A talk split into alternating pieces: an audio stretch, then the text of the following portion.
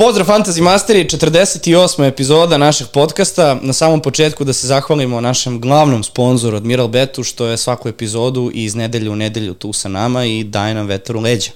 Pored njih moramo da se zahvalimo i jednom od naših vernih pratilaca. U pitanju je Ilija Urošević, koji nam je donio, odnosno poklonio dres Manchester City, ja pretpostavljam da je poklon namenjen za sve nas, ali ja... Posebno tebi. Složit ćemo se da, da, da je ovo poklon za mene. U pitanju je dres Manchester City-a, a pozadi stoji broj 21, čuveni David Silva. Ovo je jako lep poklon, želimo da se zahvalimo Iliji. I Koje u to godine? ime ja ga... Koja je to sezona? Ovo je 2000... Ovo je Nike, znači 2000... š- 16 ili 15, ja mislim. Da, Što imam i 17.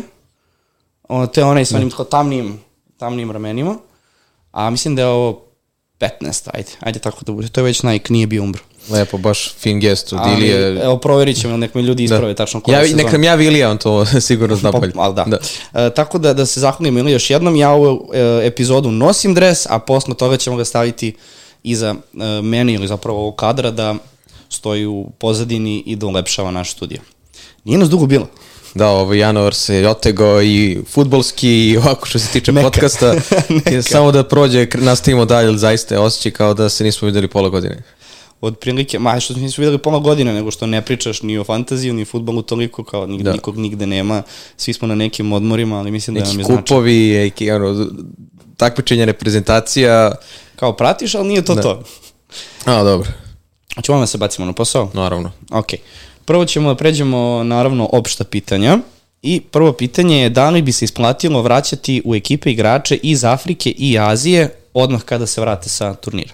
Pa glavne, glavno, to je glavni igrač koji je trenutno tu sad, eh, koji se vratio nakon grupne faze Kudus uh, i on će verovatno već sad, što me gledaš tako? Da li je on glavni? Ne, pa od igrača koji su, da, dobro, Salah se jeste vratio, ali Salah je trenutno povređen i svakako nije u nekoj raspravi, pa barem do polovine februara, može i do kraja februara, ali, do, ali od ovih igrača koji su trenutno zdravi, a, mislim da Kudus, ako nastavi s onom formom a, sa a, Kupa Afričkih nacija, ne znam da li se ispratio, on, on je bio gotovo najbolje ocenjen igrač, a, tamo zaista je igrao sjajno i tekako uh, može da ponovo bude bitna opcija, samo što je ono što meni lično uvek zapada za oči u West Hamu je trenutno nedostatak pakete koji je uglavnom bio glavni kreator tu, ali meni je to nekako uvijek bio mač sa dve oštrice, dakle ne smatram da možda sve igrače treba odmah vratiti u tim, imali smo prethodnih godina onu situaciju da kada se Salah vraćao sa Kupa Afričkih nacija da je pružao znatno lošije partije, na kraju krajeva mislim da to sve, sve sad zavisi od igrača do igrača,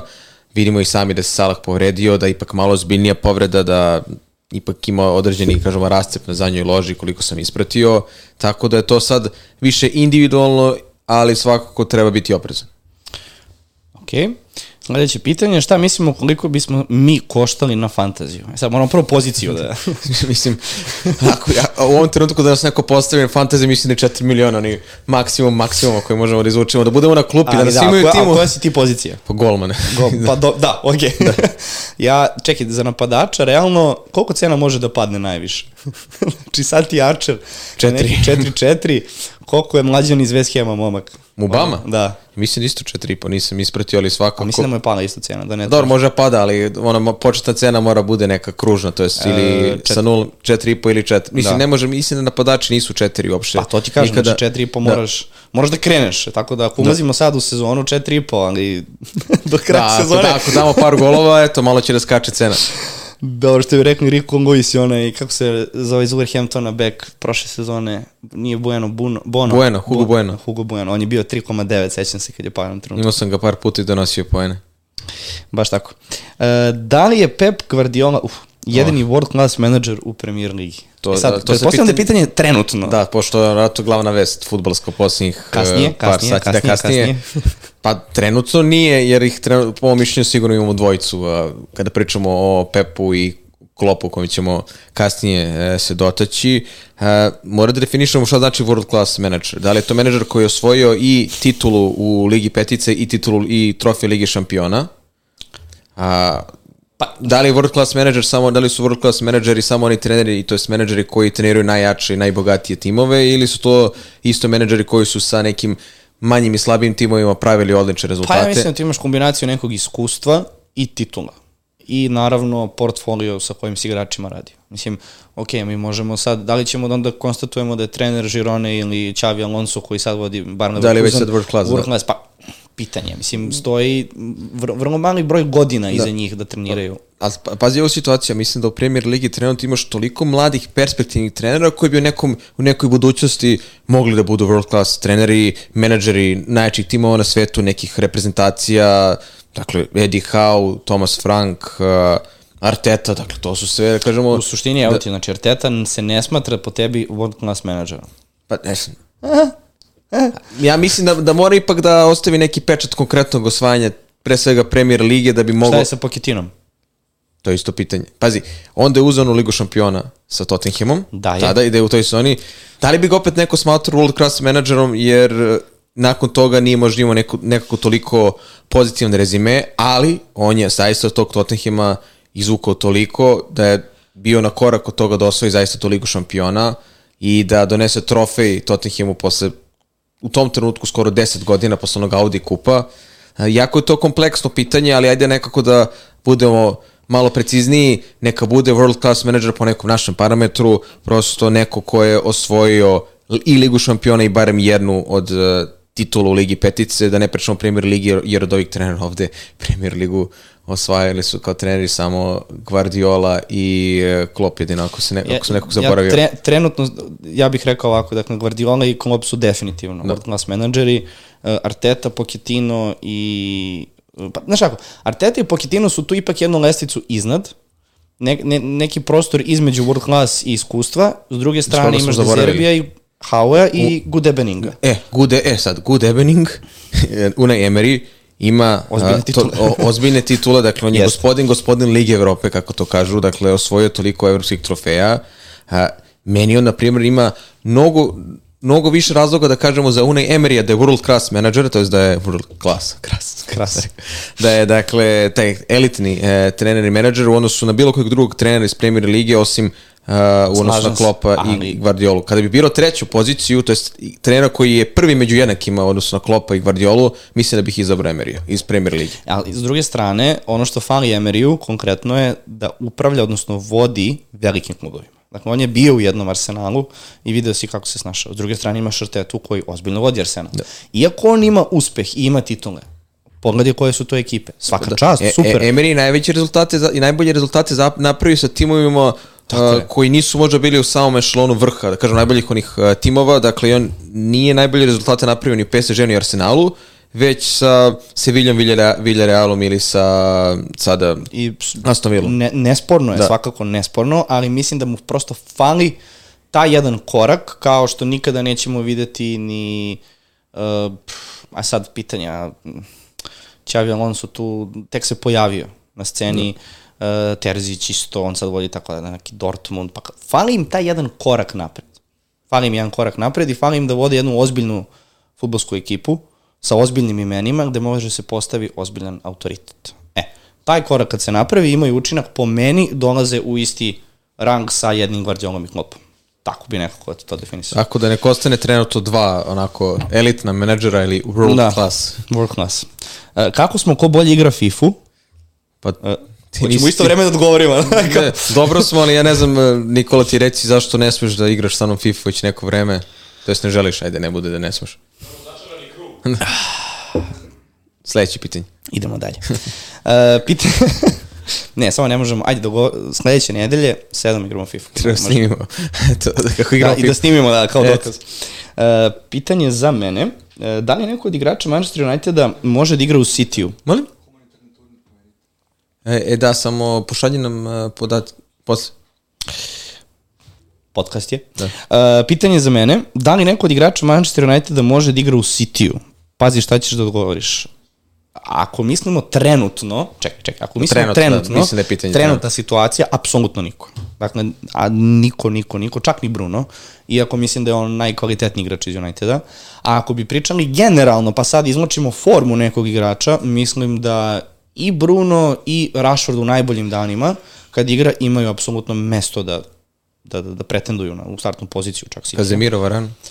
Pa, znaš kako, uh, Kazemiro može, ali ima Rodri. Da igra sa dva defanzivca, odnosno dva defanzivna vezna, ok. Ali, ali... pričamo nekako to hipotetički da nemaš Rodrija ili da uh, može zameniš neke futbalere Manchester City sa futbalerima Manchester Uniteda sad, ako pričamo o najboljim danima. Najbolji dani Rashforda, ir... najbolji dani Rashforda su bolji dani nego što će odnosno što su Grilish i Doku do sada definitivno imali. Sa tim što je Rashford imao toliko amplituda i o njemu e, ćemo posle pričati. Je, i, i, I upravo to, i situacije, i stavovi, jedan Cancelo je dobio žut, kar, uh, šut kartu zbog toga. Znači, koliko god ti možeš da budeš glasan, moraš lepo da klikneš. Tako da, trenutno ne, na, ako gledamo formu, svakako je Bruno vrlo verovatno prvi kandidat, posebno što je Kevin više povređen u posljednje vreme nego što igra, ali njega ćemo se doteći. Idemo dalje. Ideja da se uvedu treneri u fantasy, vratno po bodovima. Pa to je, to je princip koji imamo u Euroligi. Da. To bi moglo dodatno da bude nešto što je, da kažemo, zanimljivo uh, fantasy igračima sa tim što u Euroligi Hriki ispravi me, ako pobeda prelazi 10 pojene razlike, dobijaju se bodovi, ili tako? Znači imaš preko 5, preko 10, preko 20. To može bude isto kao jedan gol razlike 10 poena, dva gola razlike 20 poena, nerešeno, ed vidiš toga u košarci nema, ne znam kako bi se to kategorisalo, ali da kažemo da trener nastupa sa nekom nulom i da dobija po poen za svaku. Znaš šta može bude dobro? Šta? Da dobija bonus poen. Svaki trener koji napravi izmenu i ta izmena donese gol i asistenciju. A znaš, dobra stvar to još. Zamisli. Što treneri dobijaju žute kartone, što Da, nema Guardiola onda u opciji. Tu je Tete i Guardiola isto. Ali sviđa mi se ideja, viš da. kako može da se razradi to lepo. Uh, naša omiljena ekipa u premier ligi, sad pretpostavljam ne za koga navijamo, nego... Pa do nekog koga onako kao potajno da. podržavamo. Da. Mislim, ako gledamo ovu ili neku uopštenu sezonu, za ovu sezonu bih izabrao Aston Villa. Dobro, okej, okay, da, može biti. Meni je dalje Brighton jako interesantan. Um, ko je tu još? Pa nema, slabo, slabo pratim ostale ekipe na, na tom nekom nivou. Volio sam kao manji, manji Crystal Palace zbog FIFA, jednog momka Čani Sport, ne znam da li si čuo nekad za njega. Igra karijeru u FIFA na YouTube-u i to sam gledao svaku epizodu, igra sa Crystal Palaceom, tako da ima Jusufa Polsena u napadu. Mislim, ali to su neke ono klinačke, klinačke pričice, ali... Ja sam isto tako kao klinac na FIFA igrao da li to je bilo 2005. 2006. kad je Charlton bio u Premier Ligi i mlađani Scott Carson je tada Eto. bio na golu. Čovjek koji ima dve ligi šampiona. Da. e, dobro. Ovo su bila neka uopštena pitanja. Da se mi bacimo odmah na najavu kola. 22. Ali, e, tako je, da, ali pre toga da ti otprilike objasniš ljudima ono što je verovatno najstrastvenijim navijačima, igračima fantazija bitno, a to je splet okolnosti u narednih Zbrka oko duplih i praznih kola. Ajde to tako da nazovemo. Hajmo ovako da krenemo e, za početak. Dakle, sad je 22. kolo. Ono što mi sigurno znamo trenutno je da u 25. kolu Manchester City i Brentford imaju duplo. Manchester City, Man da. Ma Nevjerovatno. Da. Manchester da. City, Manchester, Manchester City, okay. City i Brentford imaju uh, duplo kolo u 25. kolu i vrlo verovatno Liverpool i Luton uh, pošto su i Liverpool i Luton prošli dalje u FA mm -hmm. Cup takmičenju, velike šanse da će njihova utakmica iz 26. kola da se prebaci u duplo 25. kolo. Sledeće pitanje koje se postavlja zašto Liverpool ima prazno 26. kolo? Zato što u 26. kolu je termin finala Liga Kupa, gde će onda finalisti Liga Kupa imati prazno kolo, a to su Liverpool i Chelsea, i tako Chelsea će takođe imati prazno kola. Chelsea je protivnik u 26. kolu je Tottenham.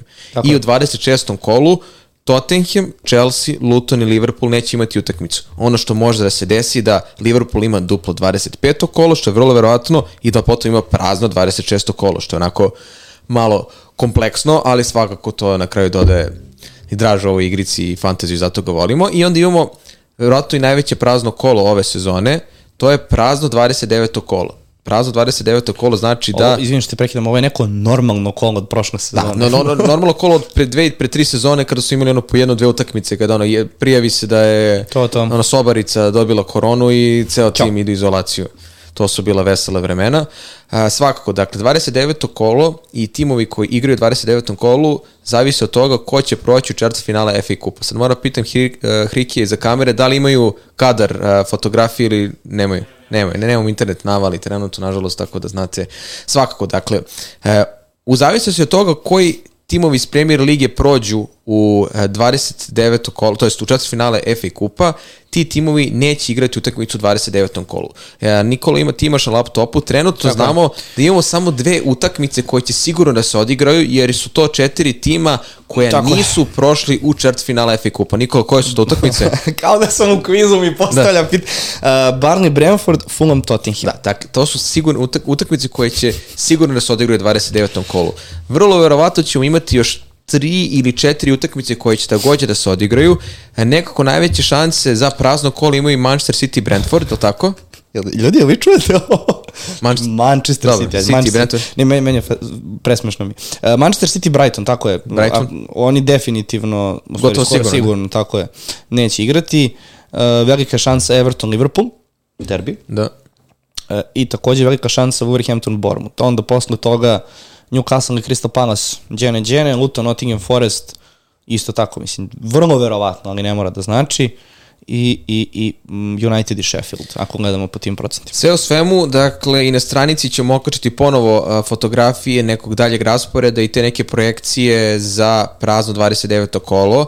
Ono će biti potvrđeno tek kada se završe utakmice šesto kola ili te neke, nazovi osmine finala FA kupa, a te utakmice koje budu bile odložene će da se nadoknađuju najverovatnije u 34. ili 37. kolu i najrealnije da vidimo veliko duplo 37. kolo kao i svake sezone jer je tada idealan prostor da se nadoknade utakmice.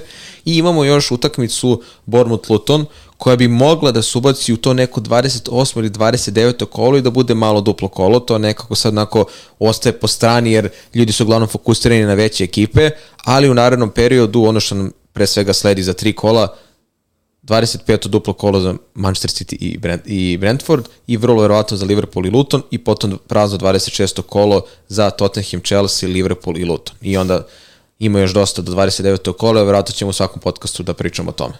Tako je, hoćemo na najavu. Može? Najava prva utakmica u utorak, uh, kolo otvaraju Nottingham Forest i Arsenal. Nottingham Forest igra kod kuće, odmah treba reći na početku, pa povrede jako dva bitna igrača. Da, dakle, Gibbs White se povredio pred uh, prošlo kolo, neki, neka povreda uh, stomaka, to jest abdomena. Uh -huh. uh, najavili su nekoliko nedelja pauze, oni dalje nije podcrvenio, to mi je jako sumnjivo na fantaziju. Verovatno očekuju neku novu konferenciju Nuno Espirite Santa da potvrdi i Alanga je takođe upitan. Upitan, tako je. Ali sa druge strane imamo Krisa Vuda koji je mm, u posljednje četiri kola postigao pet golova i donao jednu asistenciju. Dakle, ako je neko jedva dočekao novog trenera, to je bio on. Iskristalisao se zaista kao jedan odličan diferencijal ako neko išao na to da ga drži u svom timu. Međutim, sada im dolazi u goste Arsenal koji ima jedan od boljih odbrana lige. Malo su se konsolidovali protiv Crystal Palasa.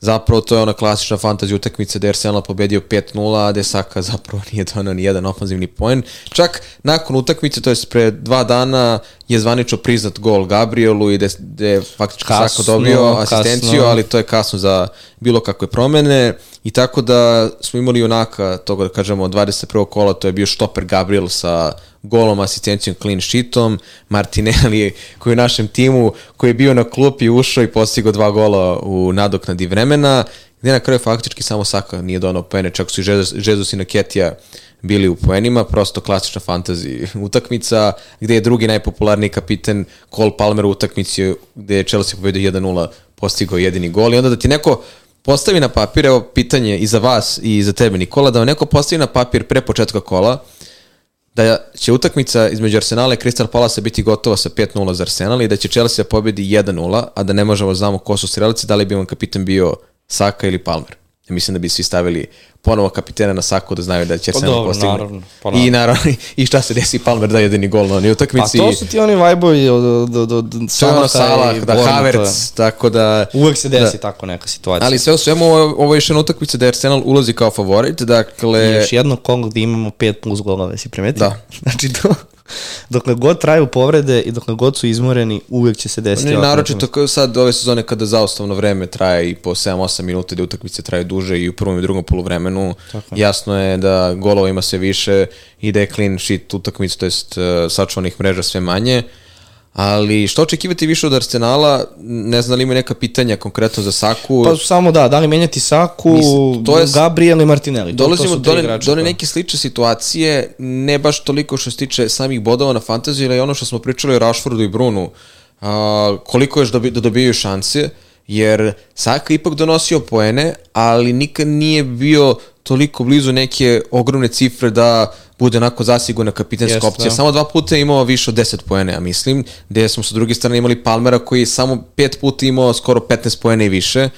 I sad opet mi ako prodamo Saku, to jest ako se neko tare sa Sake iz tima, on će dalje imati nekih 60-70% uh, effective ownershipa i šta sad on postane gol asistirani u utakmici i to te po, poprilično izbuši. Nekako je to ona đavolja zamka, znaš, uh, ne znaš šta da radiš, ako ga prodaš, uh, rizikuješ, a ako ga zadržiš, imaš neku statistiku iza sebe koja ti govori da će on ili imati od 3 do 8 poena i da je Jeste, s tim što na, naredni raspored od Arsenala je onako malo šarenkast, jeste da imaju Nottingham Forest, ali nakon toga u naredne četiri utakmice, tri su protiv Liverpoola, West Hama i Newcastle. Dakle, to su sve utakmice gde možemo očekivati ozbiljnu tuču na terenu, ne, ne bukvalno, Da.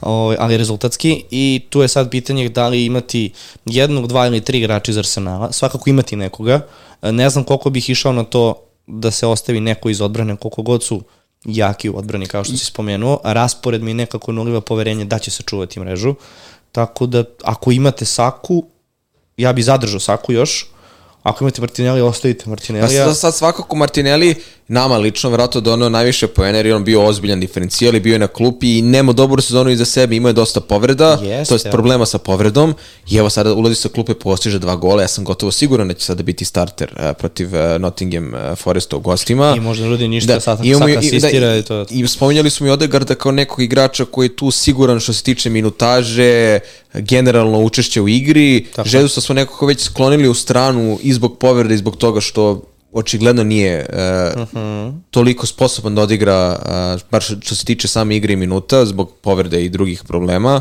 ali iz ove situacije, dakle, neko iz odbrane Isaka ili eventualno Martinelli neki drugi diferencijal, jer kakav god bio Arsenal, bez obzira što imao probleme u, decembru, prosto ne možemo da ih uh, tek tako izostavimo. A što se tiče Nottingham Foresta, jedino Wood trenutno dok se naporave i ostatak ekipe, to je bitih igrača. I dok se ne vrati pola tima, dok ne počnu da igraju u kompletnim sastavom. Ali Dok- bukvalno pola tima, da. Naredna utakmica je Fulham Everton. Uh, ne bi se ja nešto pretrano To, to je ono, ono moje 0-0. A, gotovo, završili smo na utakmice kraj. uh, ajde, prvo biti sva izgleda da neće Ali- biti do Koreja i to je Ozbiljan za Everton ozbiljno ozbiljan. udarac. Dakle, tim koji zavisi od dva i po igrača, od McNeila i do Koreja, gde do Koreja je apsolutno bio manje više sve u tom timu. A, gostuju Fulamu, koji je ponovo nekako ušao u neku seriju loših rezultata, da imaju 3-4 poraza posljednjih par utakmica, gde su zapravo samo Arsenal dobili, ali od Fulama bar znamo da možemo očekivati neku napadačku produkciju ili Jimeneza ili neke, da kažemo, Tako je. nekog ostatka ekipe kao što su i Vobi Pereira ili čak Willian, samo što su to neka, da kažemo, plejada igrača koji su onako hrabri diferencijali i to je baš onako ako neko hoće da i rizikuje, a Everton bez Dukureja prošao je onaj honeymoon sa četiri utakmice, četiri clean sheeta, tako da... Jest, slažem se s tobom, njima sad tih 10 bodova, kako vreme prolazi, sve više i više znači, jer I gledam da- da, i- ih imaju, oni bi bili na 12. I, poziciji. I moramo da sačekamo sad odluku suda i za Nottingham Forest i za Everton da vidimo uh, da li će ponovo dobiti neku kaznu i kolika će biti... Ne, ne razumem se za to toliko, jer je to neka sada potpuno novina valjda od ove sezone. Pokušao sam da, da shvatim, ali stvarno nemam to znanje. Ja, ja nisam isto najbolje razumeo, ja, bar za Everton koliko sam pokušao da i uhvatim ono što je pisalo, da su oni zapravo prevelik finansijski gubitak prijavili da oni nisu sad trošili na transfere više, to jest nisu prekršili taj Da. finansijski fair play u onom osnovnom načelu. koliko sam ja razumeo. Znači, ovo je ono, što bi rekli lezi, grain of salt, jel tako? Da. Dakle, uh, valjda od ove sezone je promenjen termin kada neka ekipa treba da prijavi mm, ne znam, prihode, rashode, finansijski izveštaje, nazovi to kako hoćeš. I svi su funkcionisali po nekim prethodnim terminima do, do, do, do skoro i uspevali su da svoje prihodi troškove balansiraju upravo po tom vremenskom periodu. Kako je promenjen taj vremenski period kada timovi moraju da dostave te izveštaje, oni hteli ne hteli morali su da, da, ih, da ih pošalju sa svojim rashodima. Dakle, da je to, na primjer, ostavljeno, kako sam ja shvatio, do kraja sezone, oni bi to nekako kroz transfer ili prihode do kraja sezone, TV prava, marketing i ostale stvari, nekako da kažemo, doveli na nulu. Ali, koliko sam razumeo, oni su morali oko nove godine to da šalju, bukvalno u sred sezone. I nisu samo Everton i Nottingham Forest. Mislim da veliki broj klubova u Premier Ligi sad ima problem sa tim. Uključujući velikane, kao što su United i Chelsea, možda čak i City, pošto, ajde, kao malo više pratim, a nisam siguran. Ali mislim da će to tek da se pojavljuje kao vest jedna, pa druga, pa treća ekipa, e sad, šta će tu da se uradi, to je pitanje. Mislim, hoćemo svima da, da oduzimamo 10 bodova. Vidjet ćemo kako će to biti, uz to Everton i gradi nov stadion i tu isto ima da, vratno velike rashode. Ba ne, sigurno, da. to njima svakako pravi veliku pometnju, kao što i Tottenham, da. ali ok, znaju valjda ljudi, ljudi šta rade. Uh, dobro, što se tiče pitanja za Fulham Everton, iskreno ti kažem, nema ih. Fulhamovi napadači, Jimenez i Willian kao diferencijali u da. narednom periodu je jedino pitanje, pretpostavljam zbog rasporeda. Da, da, jer Fulham ima tri utakmice zaista koje su sa timovima e, iz donjeg dela tabele uglavnom. Pa to je ono što sam spomenuo, može da se uhvati neki talas eventualno na Jimenezu, samo što sad i povratkom Tonija u, u Premier ligu imamo toliko napadača koji mm -hmm. mogu da mhm. pretenduju da ne bih smeo da se kladim da neki diferencijal na napadačkoj poziciji može da toliko donese koliko može bude pogubo nakon neko od popularnih napadača. Slažem se. Donese poene. Slažem se. Sledeća utakmica Luton Brighton. Imamo situaciju sa igra se znači Ovo ti je prvo, Luton, prvo kolo, prvo kolo sezone, samo sad da. gosti su domaćini. Da. Luton je domaćin. Uh, s jedne strane imamo Brighton koji mislim, stalno ponavljamo istu priču, ali jedino što se menja u Brightonu možda za ovu utakmicu je što eto, konačno imamo povratak kao jednu ozbiljnu opciju za fantasy, povratak je Stupinjana. Mislim, on je prošlom kolu. E, ne, naravno, ali da, da vidimo da, ok, to je taj Stupinjana, nije da se vuče 45 minuta i izađe sa terena. Sad, pazi, o, o, ovu informaciju, mi smo toliko pričali o Brightonu, golovi na sve strane, posljednje utakmice 0-0. 0-0.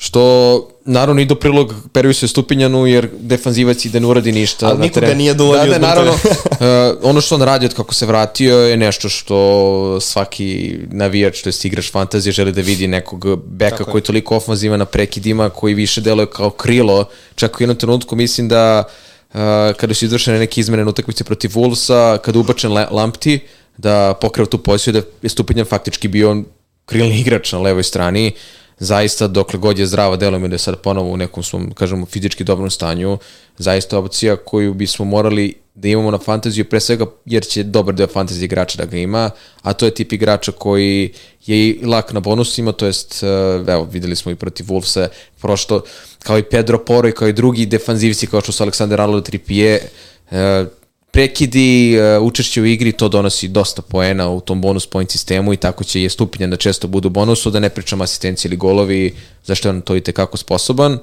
Ostatak Brightona, Brighton ima i takođe jako dobar raspored uh, u narednom periodu, pričali smo o Grossu i o Žao Pedru, Znaš, malo je čudno nakon dve utakmice gde nisu postigli gol da ih ponovo guramo, ali i dalje mislim da su dobri diferencijali jer ne verujem da Brighton možda da ne postigne gol na tri utakmice u nizu, ali ipak idu tvrdom Lutonu, koji kod kuće zaista je uspeo i da pobedi mnogo jače protivnike, svakome su napravili probleme, svakome su postigli gol. To je nešto što više uliva nadu da nećemo vidjeti nekih novih 0-0, već da ćemo vidjeti vjerojatno golove na obe strane. I iz Lutona mora da istaknem Alfi Dautija, čovjek ima gol i pet asistencija u posljednjih nekoliko kola, dakle neko ko je tu manje više na svim prekidima i učešću u kreaciji igre i prosto mislim da uh, uvek može bude neka opcija da ili bude na klupi ili da se ubaci kada Luton možda ima nekog lakšeg protivnika ili ako može da se zarotira s nekim povređenim igračem. Tako je, slažem se. Možda taj raspored da. u nekom narednom periodu je malo da. znakom pitanja za, za takve neke igrače iz Lutona. Zašto da ne? Svakako ne koštaju previše. Može se probati, ali ajde da vidimo za ovu utakmicu šta predviđaš. Pa, Luton, Brighton, neko iznenađe. 2-1 za Brighton. Da, Može 3-1 da. za Brighton. Pitam te zato što je ipak to Luton kod da. kuće, pa nekako su uvijek ispostavili da su da, mnogo tvrđe. Tvrđe, da. 1-2, 1-3, može čak i bude 1-1-2-2. Vidim ovde izvuko si čak i statistiku za da, da, Hola koji... Brighton da. želi da izbori kola, Hola koji je onako ispod radara prošao i prošle sezone jer Leicester imao jednu zaista katastrofalnu sezonu da. i u trenutku čempionšipu je vjerojatno može i jedan od najboljih veznjaka. A Leicester ove sezone da. u čempionšipu stvarno statistički kad gledaš pomislio bi da pričamo o Novom Ronaldinju. Mislim, da. Statistički da. gledano. Ali to ipak nije taj kvalitet, ok, jeste on igra u Premier Ligi, ima potencijal. Da. Videlo se, on kakvu prangiju ima sa 25 metara zna ozbiljno da da go Ali sad je pitanje, mislim, znaš kako, Brighton zna šta radi obično. Dakle, ako ćemo da sumnjamo u scouting Pa, sistem... isto kao sve igrače koji su dovodili. Ali ja mogu da ga vidim već u Chelsea-u za nekih godinu, godinu i po dana, za nekih 65-70. Pa kao Barko, bro. otprilike Da. dovedu novog i idu dalje. A da, Valentino Barko, dakle, čak si City spominjao kao jedan od... Ja ve vidim Od da on bez 30 miliona, osim ako ne znam, ne bože se A, znaš povredili. što mi je čudno? On je levi bek. Dakle, o, o, ako je to to, oni su već našli zamenu za Stupinjana po znacima navoda našli. Dakle, ako gledamo po nekom talentu. Dakle, eto, šta možemo očekujemo? Stupinjana možda od sledeće sezone u nekoj od jačih ekipa Da zameni Kukurelju u Chelsea. Mislim da se nastavi trend. da ih dovode. Pa Za, vidi, za 90 miliona da ga dovedu. vidi je Stupinjan u Arsenalu, mislim da bi bio Bruka, uh, u, ako pričam premier ligi. Uh, u Unitedu, mislim da kogod dođe na levi bek u Unitedu, mislim da će biti Bruk u odnosu što imaju pored Pazi, Luka Shoa. Ima Tottenham isto u Dogija, ali Pa Stupinjan... jeste, ali kao, jeste Stupinjan, pa, znam, ali kao već imaš u Dogija koji će... da- Je Stupinjan poro, znaš ono da imaš obojicu, isto da, da ono, ne možeš da ubaciš dvojicu napadača i veznih igrača iz Tottenham, imaš i, i na dva beka. sredini, i sredini Romero i Dragušin, kad Da. krene da ti trči, brate, koliko je taj lik brz i lud. Uh, jedva čekam da Niki se... Van da de Ven, pazi Niki- koliko bi to o. Da, da, da, da. da. Kako onako zanimljiva odbrana i da ih gledaš i da ih imaš na fantaziju. Pazi, Romero, Dragušin i Miki, Van- kao Miki je, znaš, onaj, znaš, neki fin. Pa i onaj- on je, bra, i on je isto ozbiljno brz za svoju građu ne, ne, kompoziciju. ozbiljno, ozbiljno štoper ima Tottenham, ali ajde, odu smo sad da. Tottenham, doći ćemo do njih. Uh, da li nešto specijalno za ovu utakmicu treba da još naglasimo ili idemo dalje?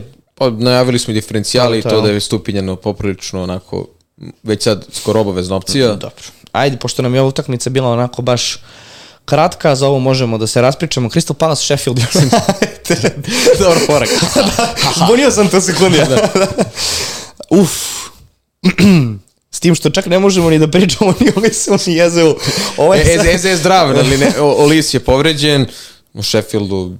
Ne znam, da li Hrik ima Makatija je dalje u timu. Ima, eto. Naravno. Možda on može nešto da nam kaže. E, Neću da prognoziram 0-0 ovde, ali... Ali hoću. Ona je jedna od onih utakmica gde nekog prosječnog e, ljubitelja futbola, kako bi ga, nat, kako bi ga naterao da gleda? Ne znam, to je dobro pitanje. To je dobro pitanje. Samo da im to je i dalje u subotu, ali tako? Ne, nije subat, utorak. To je, bože, utorak. Um, to je dalje utorak, da. Pa ne znam, brate. Pored ovih utakmica, stvarno. jedino Ajde, da imaš... ajde da kažemo da meni tu Web reči Eze zanimljiv diferencijal. Ali znaš zašto sam ga stavio sa listom? Zato što, rekao sam, ne računamo ga, jer i Jeze, mi smo mnogo očekivali njegove sezone. I on se povredio, vratio se, ima Ma, učinak, da, ali i dalje nije to to, znaš, nekako sad, kao postigne gol u dve, tri utakmice, kao, okej, Jeze, ali pogledaj statistički drugi igrače koji su tu ove sezone, ništa sad Jeze ne odskače. I druga najlošija stvar... U fantaziju po bodovima. I druga najlošija stvar isto u neku, iz konkretno ugla fantazije, od kako je Wilder ponovo preuzeo Sheffield, Sheffield nije kanta za punjenje, oni su protiv Lutona primili tri gola, ali su i postavili dva, protiv svih drugih ekipa i onih mnogo jačih, jedan do dva gola su primali. Dakle, poprilično on tu ponovo, kažem, uveo makar neku čvrstinu pozadi, da ne bude toliko bušno, i onda sad ne mogu ni očekivati od Crystal Palace da dođe i postigne četiri gola Sheffieldu, mada ovde Sheffield sad kako vreme odmiče, Može mora... Jedan, jedan. jedan. Da, da padne neki gol. Eze čisto- i Archera. Či, čisto da, ljudi ovaj, gledaju multiprenosa, ne... Jel ima pitanja? Kec ili dvojku? Nema. Bukvalno nema. Nema ljubavi za Uh, tim. e, evo sad stvarno, stvarno interesantni utakmica i onu koju će verovatno svi gledati u utorak. Aston Villa Newcastle. Aston Villa kod kuće, kod kuće, kod kuće. I Newcastle u gostima. gostima, u gostima. Totalno, sluša su procesu. Kao dovedi ekipu koja daje najviše golova i ekipu koja prima najviše Da, ne, golova. da, Šta dovedi da ekipu desi? koja nema pobedu u gostima od 600 kola i dovedi ekipu koja je savladala skoro sve na svom terenu. Ja Znaš. imaju beš jedan samo, poraz. Poraz kod kuće. Da. Da. Igrali su nerešeno sa Sheffieldom i to je sve što je. Da, bilo je nerešeno, da. Oni da. od prošle sezone su vukli niz pobeda. Jest, jest, jest, E, jest. Eto šta je tu, sad tu suština. Na početku sezone Newcastle je razbio Aston Villa na svom stadionu. Mislim da je bilo 5-1. Sada ne mogu da kažem da očekujemo totalno suprotno, ali Newcastle u nekom vidu zaista slobodnog pada. Vezali su, da nizali su poraze u Premier Ligi. Ako išta, prošli su u FA kupu sada. Van uh, St. James Parka, Gordon uglavnom nije donosio poene, za razliku na domaćem terenu gde si bukvalno znao da će uvijek da ili posljednji će da gol bude u poenima.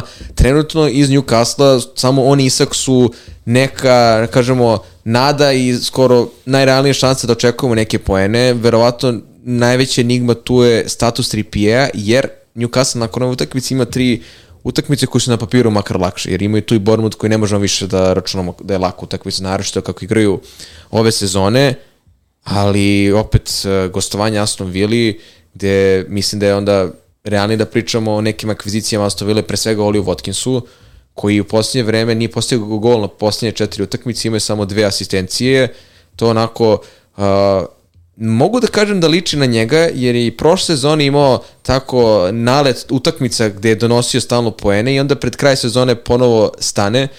E, ne mogu da garantujem da će sad protiv Newcastle bude isto, jer ako Newcastle nastavi sa trendom loših partija i primanja nekoliko golova na gostičnom terenu, teško mi da zamislim da Watkinsa neće biti među poenima. Sa druge strane, vezni igrači Aston Ville Dakle, i Diaby koji ima o, jedan gol posljednjih deset utakmice. Svako izabere svoj mesec, znaš. da, pa dobro. Douglas Luiz je tu, gledajući celu sezonu, donao najviše pojena od igrača sredine terena. Dobro. Sa tim što Fair. najveći nekako teg za držanje Luiza u timu, to što po prirodi pozicije ne bi trebalo da toliko ofanzivno i blizu poena, ali on izvodi prekide, i ima dobru praćku sa distance i na kraju se ipak pokazalo da je u više situacija donosio poene nego Diaby i Bailey, gde za Bailey-a znamo da je neko ko vrlo lako može se povredi da ima problem sa danjem ložom. Mislim, jednostavno da. ostane na klupi. Ma, Matija Keša smo već absolvirali da je e, ove sezone, osim one utakmice Barnijema, uglavnom nervirao sve vlasnike, sa tim što je Emer imao neku zanimljivu izjavu da mu fali još jedan desni back karakteristika kao Mati Keš, što ne mora da znači da će on sada počne, jer je poprilično ok delovalo ovo sa da. Carlosom i Konsom, ali od ove utakmice ja očekujem iskreno pobedu Aston Ville, jer trenutno ne vidim način kako Newcastle može izaći iz problema, naročito jer neće biti Joelintona. Dakle, pričamo o igrača koji je povređen. ozbiljno povređen, e, do maja ga neće biti. To je igrač koji njima toliko pre svega znači i u, u ofanzivnom presingu i u nekoj tranziciji, a u ovoj situaciji je to trenutno ozbiljan gubitak, naročito na gostovanju Aston Villa, tako da opet bi se ovde fokusirao na Aston Villa, uz to da vrlo lako možemo vidjeti opet neki poen Isaka, ako Gordo nastavi onako kako igra ove sezone, neće doneti poene. Eto, ukratko. Ostalo je samo da spomenemo Trippier-a, iz više, da. iz više razloga. Prvo zato što Ajde, ok, vratio se iz povrede, I nije pon, igrao. Da, i izvini, ponovo je sad uh, Hau uh, danas ili juče izjavio da ima neke, ne, neke probleme sa preponom, ali da bi trebalo da je okej. Okay. To je sad malo i kalkulacija šta zbog transfera koji postoji kao opcija, ali definitivno Na kraju ništa propo njega. transferu propove, tako je. Mislim, ja sam nekako je krenulo da ono Kane okuplja drugare tamo u, u, u, u Minhenu. Ali dobro, pa pazi, znači Dyer, Kane, mm, ko je još tu su oni bili zainteresovani sad na leto, ne mogu da se setim iz premijera. Pazi, meni, meni ovaj transfer Dajera kao onom futbol menadžeru kad imaš neku zvezdu u svom timu i kada ti dođe sa zahtjevom da ne može se snađi u nekoj novoj sredini, da mu je potreba nekoj timu dovedeš nekog uh, drugara iz reprezentacije ili kluba. To je, inter, to je interesantna priča. Ovaj, naš, na kraju se ispostavilo tako. Znaš kako je došao Kanji u City? Tako što je uh, Haaland na treningu čuo da je City zainteresovan za jednog štopera. I bukvalno je došao Guardiola, mislim, živa da. istina, ima, ima priča. To, isto, isto iza Dokua, da je De Bruyne preporučio. Da, ali Haaland je došao, Guardiola je rekao, ovaj, mislim, kao već treniramo ovde, znate kakav mi je skok, kakva mi je igra i tako dalje. U Dortmundu, Manuel Akanji jedini bio igrač koji je mogao da se pošiba sa mnom i da iznudi loptu i da ne mogu ništa da uradim na treningu i u više navrata. Njemu ističe ugovor, nije srećan u Dortmundu, obratite pažnju na njega. I to je jedini razlog, znači niko nije skautovo iz City Akanđija na preporuku Haalanda, pa koliko je bilo, nešto 15 30 miliona. Manje bilo, manje, 15, 15, 15 miliona je bilo. Pa is, is, ali bukvalno ono, samo izašla vest. E, to su ti te stvari, znači možda zapravo Dyer na treninzima je ovako kao neka osoba koja je možda neki dobar autoritet, mi to ne znamo. Jeste da ga mi više i ismevamo skoro na terenu kako igra i kako ima momente, ali ajde vidimo Barnu kako će se snaći, znaš, uvek treba dati drugu šansu, Naravno. možda ima neka pozadina, privatni život, ti to ne znaš šta sve, sve može novi početak za njega, mm -hmm. vidjet ćemo, ali sigurno se Kane tu umešao, da. slažem se. Uh, a što se tiče Trippiera, Mislim, naši su sada čoveka iz Galatasaraja, bo, kako se izgovara? Bo, Boje. Boje, tako da. nešto vidjet ćemo, mislim, da prvi put sam čuo za njega, ali navodno je dobro. Ispratit ćemo sve. Pa da, tak, ali definitivno Trippier ostaje u klubu. Ono što je meni bilo interesantno, što je Trippier dao zeleno svetlo iste sekunde sa 33-4 godine. Znaš što je to mene zabrinulo?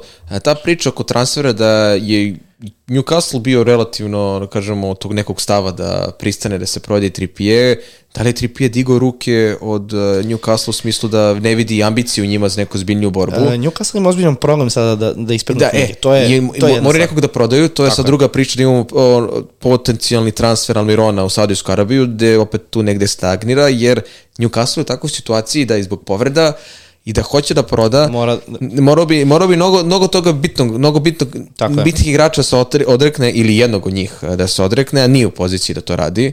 Naročito ne, da ne pomišljamo zamisli sad da prodaju Gordona, zato što im je potreban novac ili Isaka kao dva neka, da kažemo, najbitniji igrača trenutno, da ne pričamo Bruno Gimaraešu ili Joelintonu. E, to je, na to ste ja se nadovežem. Meni je znak da e, Trippier, kao možda lider ekipe i cele te nove generacije Newcastle, ako daje iste sekunde naznaku i daje zeleno svetlo Bayernu, da hoće da pređe sa toliko godina iz Newcastle u Bayern, to ti govori da generalno, vrlo verovatno, većina igrača Newcastle prvom prilikom bi otišla iz kluba. Da pokuca na vrata neka veća ekipa. Zato što imaš taj argument, čekaj, pričamo o Newcastle koji igra Ligu šampiona, imaju ozbiljne ambicije, što ne bi ostao Newcastle dok ne god su dobri rezultati. Sa, e, sad dolazimo do toga da Newcastle visi i Evropa trenutno ove sezone. Da, Apsolutno se slažem. A Bayernu ne visi. Zato- Čak i ako ne uzmu magičnu titulu, i ako, se, i ako Kane ne uspe da uzme trofej sa Bayerna, što bi zaista bilo neverovatno, svakako će igrati Ligu šampiona i Najveći uspeh ovog leta u prelaznom roku za Newcastle će biti ako sačuvaju Bruno Gimaraša. Ja sam ubeđen da će svaki klub iz top šestice premier lige i Pa Želinton ne produžava ugovor, ne znam da li si to vidio. To je, to je definitivno. On se povredio, ali nemaju namjeru da mu produže ugovor. Znači, Bruno je tu neko ko je, trebalo bi da ostane, jel? Siguran sam kad pokucaju i Enlezi, i Barsa, i Real, dobro, Barsa, te- če- m, sumnjam da može da ga plati, ali bilo koja ekipa, mislim da će Bruno biti taj koji će reći želim da idem, jer ipak je i dalje Newcastle, a ne Newcastle koji treba za godin dana se bori za titulu. E, mislim da će to biti najveći uspeh to, to, Newcastle. ti- ako to ti na kraju uvek uh, dolazi na naplatu igranje ili neigranje Evrope ili pre svega Ligi šampiona, Tako gde automatski Newcastle možda neće moći da dovede igrače koje je planirao ako ostanu bez uh, nekog takmičenja u Evropi, gde ćemo vidjeti možda neku Aston Villa koja će pre da primami nekog futbalera Ali i ti niko ne garantuje da će Aston Villa imati problem koji sad ima Newcastle. Ili samo da rezultati ne dolaze. Uh, pomenuo sam Bruno Gimaraeša jer on je pored Kimiha velika želja po meni da, da, da, da, da, da, da pojača Manchester City, o kome sad pričamo jer je to naredna utakmica. Uh, City dočekuje Barnley. Uh, ne bi se ja zadržavao toliko oko ove utakmice, koliko bih možda spomenuo povratak svih igrača, što Kevina, što Dokua, što Halanda. To je sada pitanje to, to, koje... od, ja mislim da u ovoj utakmici najveća dilema fantazi, ne to koliko, koji će rezultat biti na utakmici, jer Tako pričali smo na prošlom podcastu i generalno ispostavilo se da je tačno da De Bruyne nije počeo protiv Newcastle u gostima i on je dao izjave, ali on daje izjave da nije spreman da igra više od 25-30 minuta, a Guardiola dva navrata u dva perioda, u tipa nedelju dve, daje izjavu, on je spreman da igra svih 90 minuta, naravno više verujem De Bruyne I nego koliko je Guardi- odigrao? Ne, više verujem De Bruyne nego Guardioli, bez obzira što ne smatram da Guardiola laže, ali uglavnom se dešavalo da ima tako Guardiola neke bombastične izjave mm -hmm. ili kad pohvali nekog igrača pa završi na klupi, to je onako često umelo da bude jako, da kažemo, stresno kad, kada pričamo o fantaziju. Da li će biti starter protiv Barnlija sada, iskreno ne znam. Znaš, da uh, nije ušao protiv Newcastle, da je možda City imao neko kom, komotno vođstvo ili da nije napravio onakav boom, možda bih morao kažem biće sada na klupi neće da rizikuje sa njim, ali ako već daje takve izjave, ne mogu da se kladim da hoće ili neće biti starter, čak pre Da. mislim da će on biti starter nego Haaland, jer Haaland nije igrao, sad će biti skoro mesec dana uh, aktivnog futbala, nije igrao sad, nije bio ni u sastavu na kupu utakmici protiv uh, Tottenhima, čak i Guardiola rekao, ono njegovo maybe few minutes, if, ono, da li može da igra, zaista ne vidim Haaland u startnih 11, ne mogu da garantujem da će biti u sastavu, tako da De Bruyne ima i dalje mač sa dve oštrice sa tim što je ozbiljan broj igrača njega doveo i ne mogu da ih krivim. Znaš, imaš i one... da? Do- imaš do one- za 20 što- minuta što kažu- rešio Što Newcastle. kažu, što kažu englezi casual, znaš, neko vidi, a vratio se De Bruyne, tu je sad uh, ušao na kupu, asistirao, ajde da ga dovedem. Mi smo gotovo svi bili sigurni koji pratimo ovo i ozbiljnije igramo fantasy, on neće biti starter, zaista nije bio, ali malo ko je očekivao da će za... Ma ne, niko nije očekivao da će baš takvu razliku da napravi. I- ja mislim, ka, imao sam utisak kao da, znaš, ok, kao gubi City, Ma daj, dobaci Kevina, Kao ono završavamo to. Znaš, očarački pot... Ma ne, ne, kao ajde, sad će on to, ta, tako je ušao na teren, znaš, kao ajde, preokrećemo, imamo dovoljno vremena. A opet, i- i dalje, i dalje sam siguran da, bar što se tiče minuta, Foden i Alvarez će sigurno biti starteri i imaće ozbiljan broj minuta u narednom periodu. Mm, za Alvareza nisam toliko siguran. Dobro, vro, verovatno, ajde da sačekamo, da vidimo. Ja i dalje mislim da će makar u narednom periodu, u narednih par kola biti uh, sa sigurnim minutima. Fodena, Foden mi tu m, ipak više nedodirljiv. A, Apsolutno, I naravno da. ne bih da zaboravim Bernarda Silu sa tri gola i asistencijom Jeste, u posljednjih nekoliko utakmica. Sad, sad dolazi taj Barney koji onako, sa kojim je City uvijek izlazio na kraj i više nego lako, naročito na domaćem terenu gde se očekuju golovi. Sada imamo taj problem da je mnogo ljudi dovelo De Bruyne, neki imaju Alvareza, neki imaju Fodena, dakle mnogi imaju bar po dva igrača, da ne pričam o onim uh, fantasy igračima koji imaju neki futbolere iz odbrane City-a. Koga sad imate iz Manchester City? Zamisli da sad vrat, vraćamo Haalanda za neki minus četiri ili, ili imamo novca u banci, dovedemo i De Bruyne, znači ne možemo imati i Alvareza i Fodena, možemo imati jednog, ili već ako imamo nekog uh, Vokera ili drugog defanzivca, sada smo ponovo u toj situaciji da ne možemo imati sve City-a pred utakmicu koja je uvek onako bila festival bodova. Ja ću ostati pri tome, makar u mom timu da imam i dalje Alvareza i Fodena. Nisam imao De Bruyne u prošlom kolu, zaista nisam očekivao ono i dalje bih sačekao sa dovođenjem De Bruyne jer njegova cena je takva da ako ga dovedem uh, kako uklopiti Halanda sa tom cenom i imati uh, tipa Watkins i drugi malo skuplji igrače. Da ne pričamo o tome ako se Salah oporavi pred Liverpoolovo duplo kolo koje je možda i najbolje u sezoni bar što se tiče timova teško imati i Halanda i Salaha i De Bruyne jer onda bi zaista ostali- i da, i da ne pričamo o povratku Sona posle ako nastavi da igra. Jeste. Dakle, ono što De Bruyne donosi fantaziju je haos, u smislu da ako se ono poravi, ako on bude i ole konstantan i ako, De Bruyne, i ako Haaland bude zdrav, mi, ne, mi ćemo imati zaista ponovo one najskuplji igrače koji su aktivni na poenima, ne možemo da ih imamo sve, da ne bismo imali čistačice u, Pa ovo je, u odbrani. ovo je, ovo je konačno neka, neki povratak u normalnost što se tiče City iz ugla fantazija, ako mene pitaš, gde dolazimo u situaciju koga sada prestaviti. I Bernarda Silva koji zaboravljam kao najboljeg diferencijala iz Jest. City-a. Ali opet, garantujem ti, bit će najmanje popularna opcija od svih imena koje smo nabrali. Pazi, nismo spomenuli ni Gu- ni, Ni Gogu- Gokua, Goku. Goku. ni, ni Doku, ni Griliša, a vrlo verovatno na ovoj utakmici kogod da bude starter. Na kraju, ne, ne, nemoj, nemoj, evo da vas ne začudi, nekog koga smo najmanje spomenuli, ako Griliš bude starter jer Doku postignu da. dva gola protiv Barnlija, njih smo kao totalno zaboravili. Ne, mislim da, slažem se apsolutno s tobom, uh, nije pogrešno staviti Kevina, po meni, u, u, ekipu, ali mislim da on neće iz utakmice utakmice donositi i gol asistenciju, tri asistencije, dva gola. Mislim da to nije ritam ko- koji možemo očekujemo od njega kroz ostatak sezone. Nar, naročito je najbitnija stvar tu, kad krene knockout faza Ligi šampiona. Tako je. Pa Ja, ja verujem da će, da, da Pep može da bira trenutno da mu De Bruyne bude zdrav za Ligu šampiona, da ćemo najverovatnije ako neko bude dobio odmor, da će to biti on upravo zbog toga što je od tih igrača na terena izašao iz ozbiljnije povrede. Na, ne znam, mislim, naredne utakmice City Ligi šampiona su otprilike kao grupna faza Lige Evrope, mislim, uz dužno poštovanje, ali da, ajde ali to ne- tako ne- da gledamo.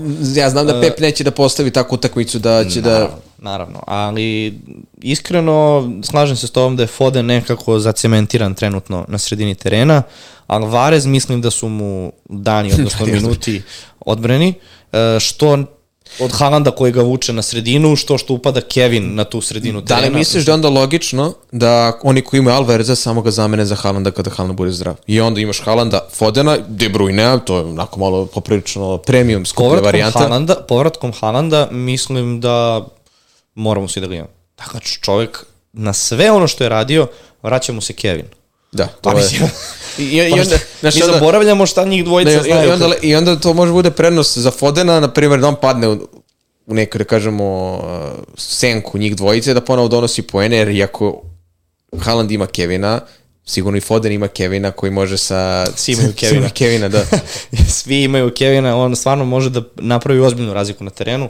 Ispadne kao da sam rekao neku mudrost, ali samo upalite TV i vidite što je uradio Newcastle. Uh, slažem se s tobom da ti ne možeš tu sad previše takvih igrača da imaš u ekipi, ali to je od uvijek bio problem Naravno. i sa jednim Kaneom koji je bio Mislim, seti se, prethodnih godina, pazi, na, na, na ovaj tim iz prošle sezone tebi je dodat Doku kao neka ozbiljnija ofanzivna opcija, Nunješa ne mogu da računam jer ne igra toliko, niti ima, to, niti ima uticaj neki, da kažemo, značajan. Ti si imao i, i Rijada Mareza, na desnoj strani imao si Gunduana, koji je pred dve, tri sezone imao onaj neverovatan niz utakmica od decembra do februara, mm -hmm. gde je bio neizostavni član ekipe, to je fantazija, tako da na kraju krajeva, eto opet, prošla nova godina, dolazi taj januar, ponovno imamo City u punom sastavu. City koji je na dva boda od Liverpoola, dakle, pričali smo o tome kako je City u padu, kako je onako mu beži e, prvo mesto, mic po mic, dakle, tu je iza Liverpoola, Liverpool koji, ajde doći ćemo do Liverpoola posle, ali ponovo je City u, u odličnoj poziciji. A sada I, su svi tu. I jako lep raspored. Jako lep raspored, jako da. lep, lep raspored. Pritom, ono što sam ja makar video na utakmici Tottenhama i City je sad u kupu, ako City bude ponavljao onakve utakmice, oni će se prošetati do kraja sezone. Ona utakmica je, na primjer, nekih 70% nastupa koji City ima protiv Real Madrida. I da spomenu City konačno postigao gol na stadionu Tottenhamu kupu. Ale, aleluja. da. ne, ono, i to jedva, bre. I prošlo dalje, tako da... Od svih mogućih stvari. Da, Ake da, tako go. Ali dobro, u suštini mislim da, da, sad ćemo vratiti pažnju u ovom narednom periodu. Ako Liverpool kiksne dva, tri puta, mislim da je da, maš, mašina kreće. Autoput je do, do, da. do, do, titula za City, ali ajde da, da ne ispadne sad da previše prognoziram. Naredna utakmica Tottenham Brentford. E, tu isto imamo povratnika jednog. Tako je. Još jednog, da kažemo... Madisona. Madisona, da, još jednog iz porodice Sonova, jer ih ima četvorica uh, u uh, Tottenhamu. Trenutno nema onog glavnog Sona, ali njega je Richarlison odlično, da kažemo, zamenio bar što se tiče posljednja golova u posljednje vreme, jer je zaista bio aktivan i ako išta konstantan, to je nešto ono što se očekivalo na početku sezone. Uh, Pedro Pora smo već, da ga ne spomenjem, primili su dva gola na Manchester United, on je ponovo završio bonus sa asistencijom. Prekidi sve, uticaj na igru, sad ćemo da vidimo koliko će Madison da preuzme prekida i da li će to da utiče na porov neki, da kažemo, taj učinak i učešće u bonusu, ali će on i dalje sigurno da bude još aktivniji, sa tim što ja verujem da i uz Madison i porov postaje opasniji ceo Tottenham. Da li će Madison biti starter, to je vratno pitanje gledalaca, jer se vratio sada u kupu i zaigro je. E, ne mogu da garantujem, ali mi isto ne bi da. čudilo da bude starter ako je se fino radilo s njim, ako se nije prebrzo vratio da može bude starter, ako ne sigurno će da biti bar pola sata, može i polovreme, pa može i polovreme ako neš, negde zapne protiv Brentforda. A, u ovom trenutku mi deluje dakle, da je Richarlison jedan od boljih izbora za fantasy baš zbog toga što je konstantan i na sredinije, gde donosi više pojena za svaki gol, a igra napadača. Poro kao neko koji tu prosto bukvalno season holder, što bi rekli englezi, dakle, celu da, sezonu da. manje više ga držiš i sad povratkom Edisona da vidimo da li ćemo ponovo da imamo tri futbolera iz Tottenhema, jer kad se vrati Son, kad vidimo kako će Tottenham da izgleda, jer dok je ceo Tottenham bio zdrav, Tottenham je manje više bio lider dok nije došla utakmica sa Chelsea, pa su ostali bez skoro pola ekipe na jednoj utakmici, a sa druge strane Brentford, Ivan Toni, vratio se, postigao gol, i Slobodnjaka, dakle... Jesi još... video kako je dao taj Slobodnjak? Jesi vidio što je uradio? Pa to, to, to je... Dakle, ko nije video... Ja bi, ja bi, ono, ja bi ono gledao na VAR. Ja bi uveo pravilo da onakve stvari mora VAR da Šta bi je sve uveo za VAR? Bez obzira što bi to vjerojatno dodatno od, odužilo utakmice. Da VAR može da utiče za kornere, jer da, da, da, dakle, da, i za sve, da, za te, sad... mislim, uh. to, to može potre dugo, ali ono što radio je prvo za žuti karton da je sudija video ili da je neko video od igrača Brentforda. Dakle, on je ali pomerio loptu. nije video, meni je to najveći. Da, to mi je fascinantno jer neko iz živog zida da je video sigurno bi urlao ili reagovao. On je uspeo da pomeri loptu, to je prvo pomerio penu i tačno je pomerio tako da je mogo da izvede e, onako da. udarac i da postigne gol. Ne, ne, stvarno je da. uticao da. sam na, na, na, na, pa, na igru, mislim, na, ali, na sam udarac. Ali suština Kotonija, dakle, znali smo i prošle sezone da je odličan prvo izvodi penale, da je odličan na prekidima. U ovom trenutku možda fale, fale saigrači koji mogu da ga dodatno učine, utiču njega da bude još opasniji po gol protivnika, ali ne možemo uopšte da ga otpišemo. Nova napadačka opcija za koju dalje smatram da ne može da postane maske od jednom, naročito ako nam se Haaland vrati. Pa ali svakako novoj utakmici, kao što je u prvom delu sezone bilo 2-2, i ovde očekujem golove, još ako Madison bude mm. i značajnije minuti imao na terenu I Da, iskreno, znaš jer čekam da ispratimo ovu utakmicu. Brentford stvarno ima najviše utakmica, ako ćemo tako gledamo. Da. Ali naj, najokrutniji raspored. Tako je, za Brentford, Tottenham, City, Wolverhampton, Liverpool i City u, u, u, u, u duplom kolu. da samo dobijemo gledalcima šta, šta znači najviše utakmice. Brentford ima duplo 25. kolo i sigurno će igrati utakmicu 29. kolu. To je jedan jak argument da imate Tonija u timu, baš zbog toga što nećete razmišljati u praznom kolu da li imate napadača, da li vam fali i u duplom kolu, koliko god Brentford imao teško duplo kolo. Ja, ja, ja gledam, idem dalje, znači pazi, Tottenham, City, Wolverhampton, pa duplo, Liverpool City, pa West Ham, pa Chelsea, pa Arsenal. Da. Mislim, Znači, to, to je bukvalno... Ne, bukvalno je raspored takav da ako razmišljamo o nekom iz Brentforda, da bude samo Toni i da sa tim završimo priču. I mislim da je to to. I to Toni kao diferencijal, jer treba mu sad naći mesto pored drugih napadača. Mm, apsolutno se slažem. Da li smo ostali dužni još nešto da spomenemo ovde? Mm, Pošto je samo Mislim da pitanje da. bilo da li baciti Madisona i da li je Poro dobra opcija, za Pora smo već rekli, Madison, hm, ja bi sačekao. Da. Iskreno, deluje mi da je on, ako smo pričali o De Bruyneu, mislim da je Madison nekih sedam dana kaska za, za, za, za, za De Bruyneom u smislu oporavka. Ima je on minutažu u kupu, ali za stil igre koji ima Tottenham, mislim da će ga sačuvati makar na ovoj sledećoj utakmici da odigra poslednjih 20-30 minuta, ako treba, što ti kažeš, ali da ne treba, mislim da će ga ubaciti da bi osetio igru. Da, samo da se ne, Ne desi, isto, samo da se ne desi isto kao sa De Bruynom, da ja sad da, mi sad to kažemo a kakav Madison i onda uđe i donese 12-13 poena. Tako je. Uh, hoćemo pređemo na, u stvari, da preskočimo poslednju Da, utakmicu doći ćemo na kraju. Tako je, za, za taj dan. Idemo, to ćemo ostiti za kraj s razlogom i idemo na prvu utakmicu u četvrtak, a to je e, gostovanje Bormuta West Hamu. Hoćeš ti?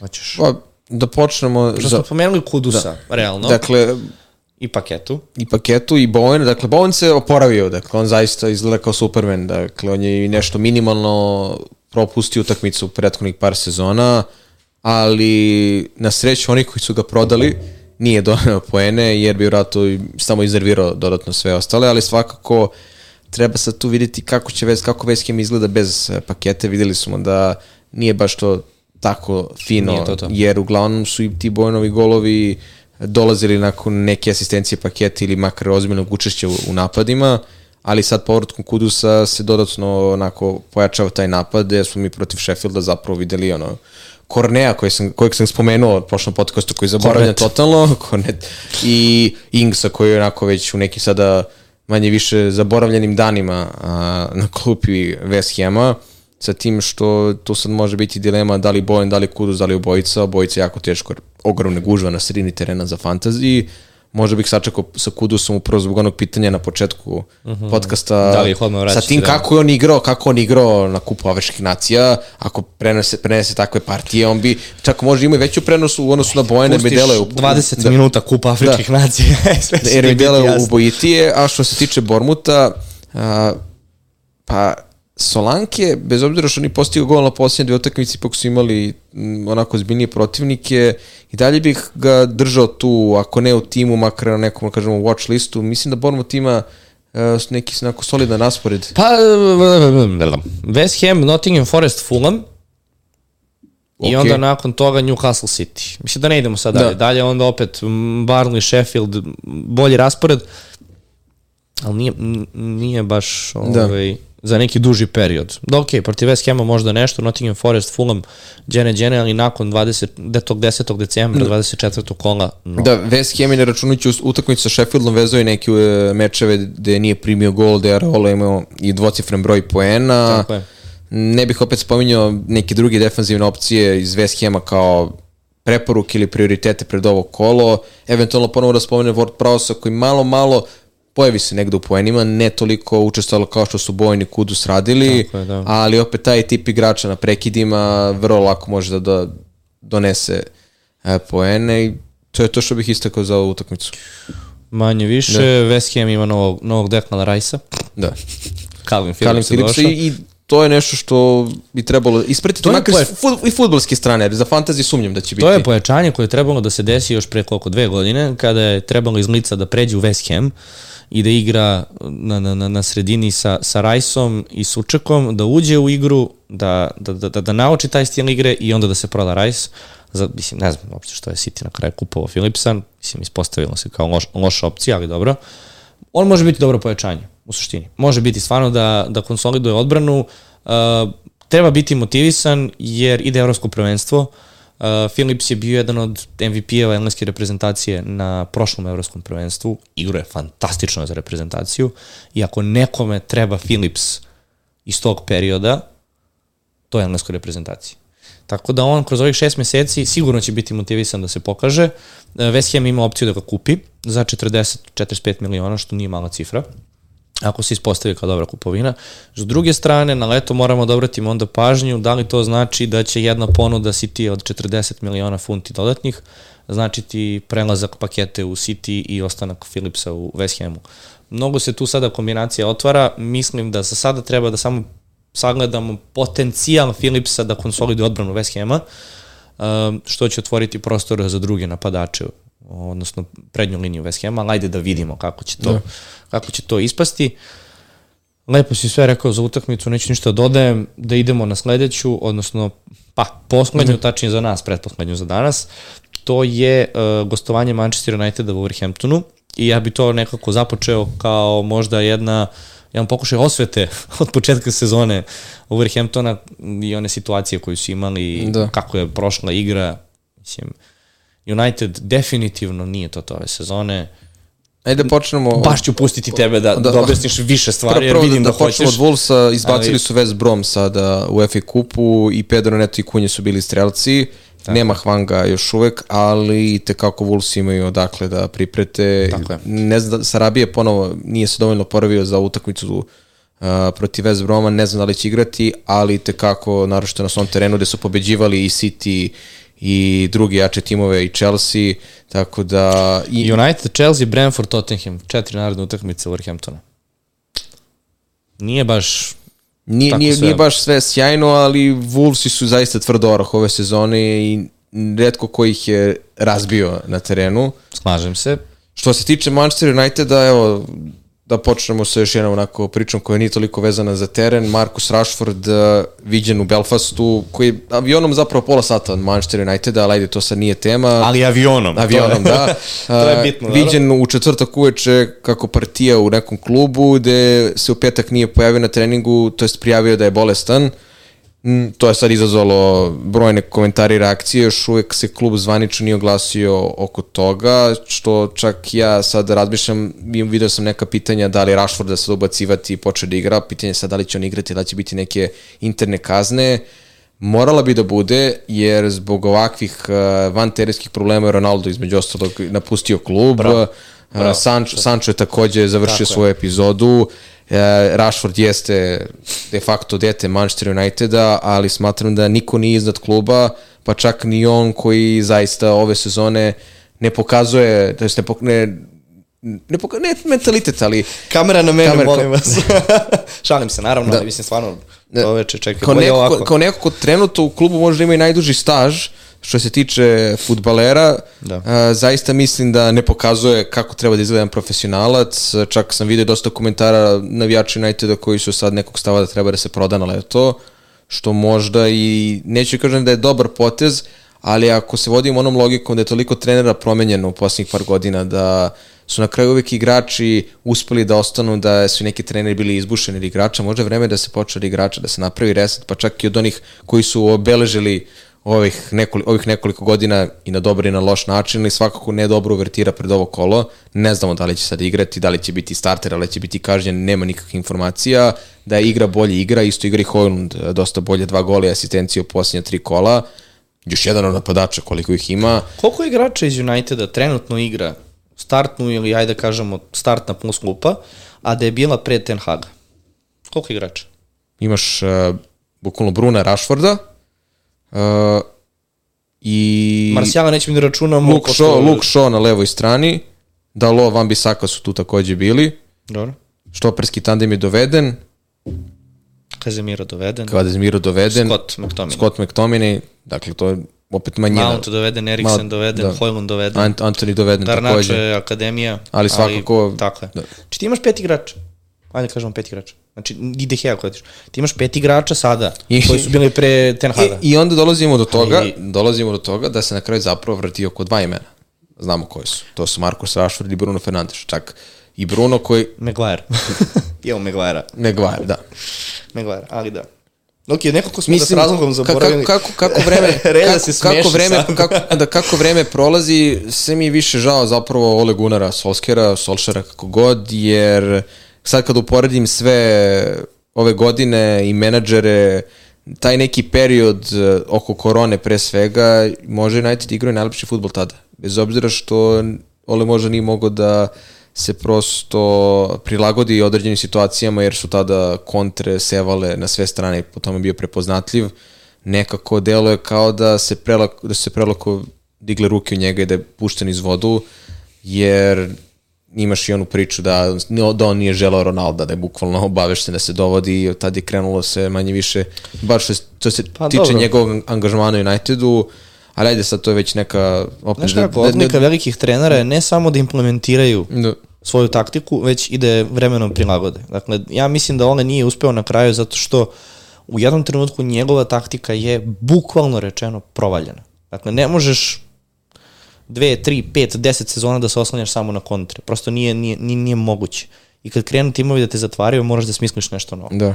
I mislim da je to jedna razlika gde oni naprave korak između toga da budu adekvatni, odnosno dovoljno dobri treneri i da budu treneri koji će da odskoče od drugih. Mislim da je to suština. Tako je, svakako što se tiče utakmici i generalno izbora nekih futbolera Manchester Uniteda u narednom periodu, Pa imamo Te- samo pitanje za Hojlunda Dakle, zapravo, Pa, pošto znaš kako, krenulo je malo. jeste krenulo, ali toliko smo napadača naborali i u sporta Haalanda, on, on može bude diferencijala, ali opet uh, sad imaš i Darvina, ali dobro, doćemo do Liverpoola, uh, nek se isprate partije, može da donese pojene napravi razliku, ali ja ga ne bih imao u timu. Naredni raspored Uniteda, Wolverhampton, West Ham, pa Aston Villa u gostima, pa Luton, pa Fulham. Dakle, Tvrdo. pa znaš kako, može, može, Da. može Za- biti da. interesantno ako oni urade nešto da se, kon, mislim, Da. United je osmi trenutno, to mi je ono nekako najveća enigma, oni su na bod ispred Chelsea. Znaš, e, učinak minus 5, znači 24 data, 29 primljenih. Kao, baš su mi nejasni. Jer, evo ti kad pogledaš Newcastle koji je deseti trenutno, znači ima tri boda ispod njih je na plus 9. Znaš, Da. statistički gledano, baš su mi nekako nejasni ove sezone. Ali da su daleko od Evrope, to je, to je svakako... Eto, i sad došao je trenutak da... Koje, Da, pa posle, derbi de, kola. de, devet, posle devet godina toliko, da kažem, uspešnih trenutaka, istorijskih duela, Premier ligu na kraju sezone napušta jedna legenda, Anthony Martial. ovo, ovo, se, ovo se njega na Twitteru pročital, da?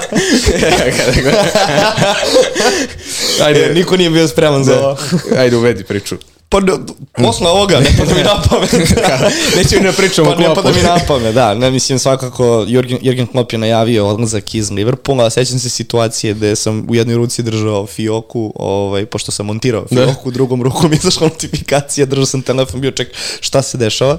Uh, mislio sam da je ona kao fora. Znaš da ti se desi nekad... da. Ne, ne, imaš one, one kao fake akaunte Da. koji ti nekad iskoči, onda piše, ne znam, Fabrizio crtica Donja Romano Da. 13. O, ne, mislio sam da je stvarno neka, ne, neka ono, pošalica, ali zapravo ne. Čovjek je dao intervju, rekao je da napušta Liverpool na kraju sezone.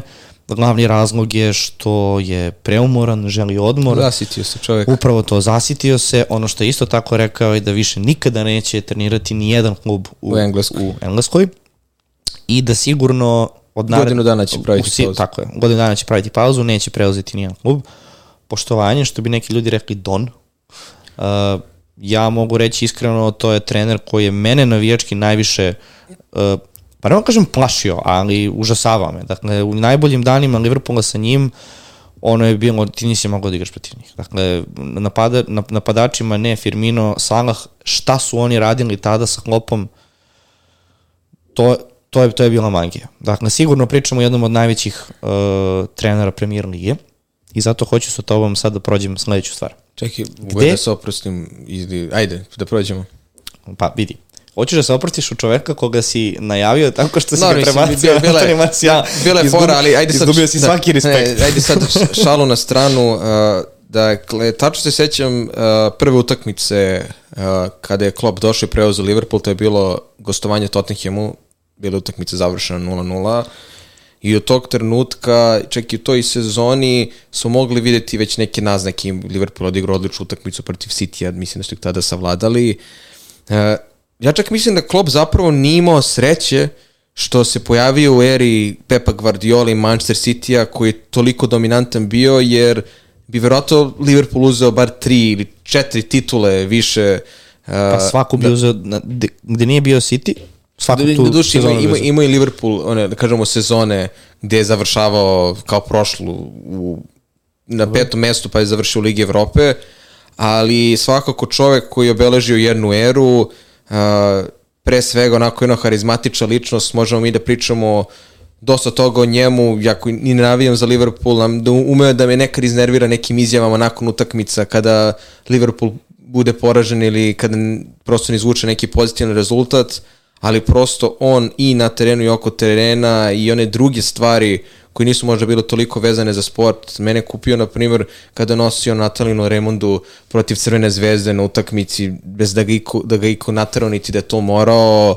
Njegov generalno stav van futbola i razmišljanje i učešće u svim tim drugim e, stvarima koje onako podižu svest, zaista su me kupila da ne pričam o tome kakav je trener šta je uradio od Liverpoola koji je pre njegovog dolaska u proseku imao 62 poena po sezoni tih 5-6 sezona na početku 2010-ih, a sada od kako je Klopp tu 82 ili 3 poena imaju prosečno po sezoni, od toga da je osvojio ligu šampiona sa Liverpoolom, da je izbacio celu jednu novu generaciju futbolera koji će vratno ostati upamćen. Osvojio premier ligu. Osvoj, osvojio premier ligu. Jedini, zapravo jedini trener koji je uspeo u dominaciji Manchester City-a da osvoji uh, Premier ligu. Dakle, od kako je Pep Guardiola uspostavio uh, svoj sistem, kako je Pep Guardiola osvojio svoju uh, prvu titulu, ja mislim da on je jedini trener koji je presekao tu dominaciju.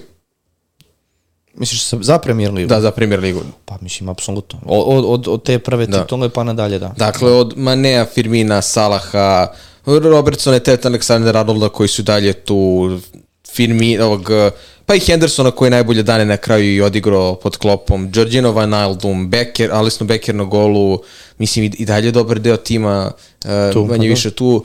Uh, ono što mi se opet sviđa ne ostavlja, mislim ne ostavlja klub u ruini da neće posle znati ko šta radi i dovedeni su novi futbaleri, dakle postoji neki zalog za budućnost. Odradio smenu generacija. Odradio smenu da. generacija sa tim što sa klopom odlazi i ceo stručni štab, odlazi i sportski direktor, vidjet ćemo kako će to Liverpool da prosto nadomesti, jer svi sad u glavi vjerojatno imaju kako United izgleda nakon što je Fergie otišao, kako će izgledati. I Manchester City kad ode Pep, neko no, no, no, počeli su... No, no, no. to kad ode. to, je, to, je, to je još tabu tema, ali o Klopu zaista ono, imam jedno jako pozitivno mišljenje i veliki gubitak za Premier ligu, nadam se da će da se odmori i da ćemo ponovo da ga vidimo na da li kao selektora neke nemačke ili možda trenera nekog uh, kluba u Evropi i drago mi što je uspeo da za neki taj period od koliko skoro 9 godina postane legenda Liverpoola i zaista zaslužuje statu ispred Anfield i nadam se da će dobiti. I da će, Sigurno. Da, mislim, bit će tu dosta suza na kraju sezone. Ja sam video reakcije ljudi zaista onako, mm. neki su pisali kao da je mi umro neki najbliži član porodice, dakle, toliko je Klopp zapravo prirastao srcu navijačima Liverpoola i toliko on značajan faktor bio u klubu da je ovo, ne mogu da kažem ne da, ne da dok nadim gubitak, ali nešto što je onako ozbiljan reset. Uh, gde se Klopp nalazi na večnoj listi menadžera Premier Ligi? Uf, to sad, Ako gledamo, računamo samo Premier ligu posle pa, dobro, 30 godina kako postoji. Engleskog futbola, Engl... ajde, ne bih baš da...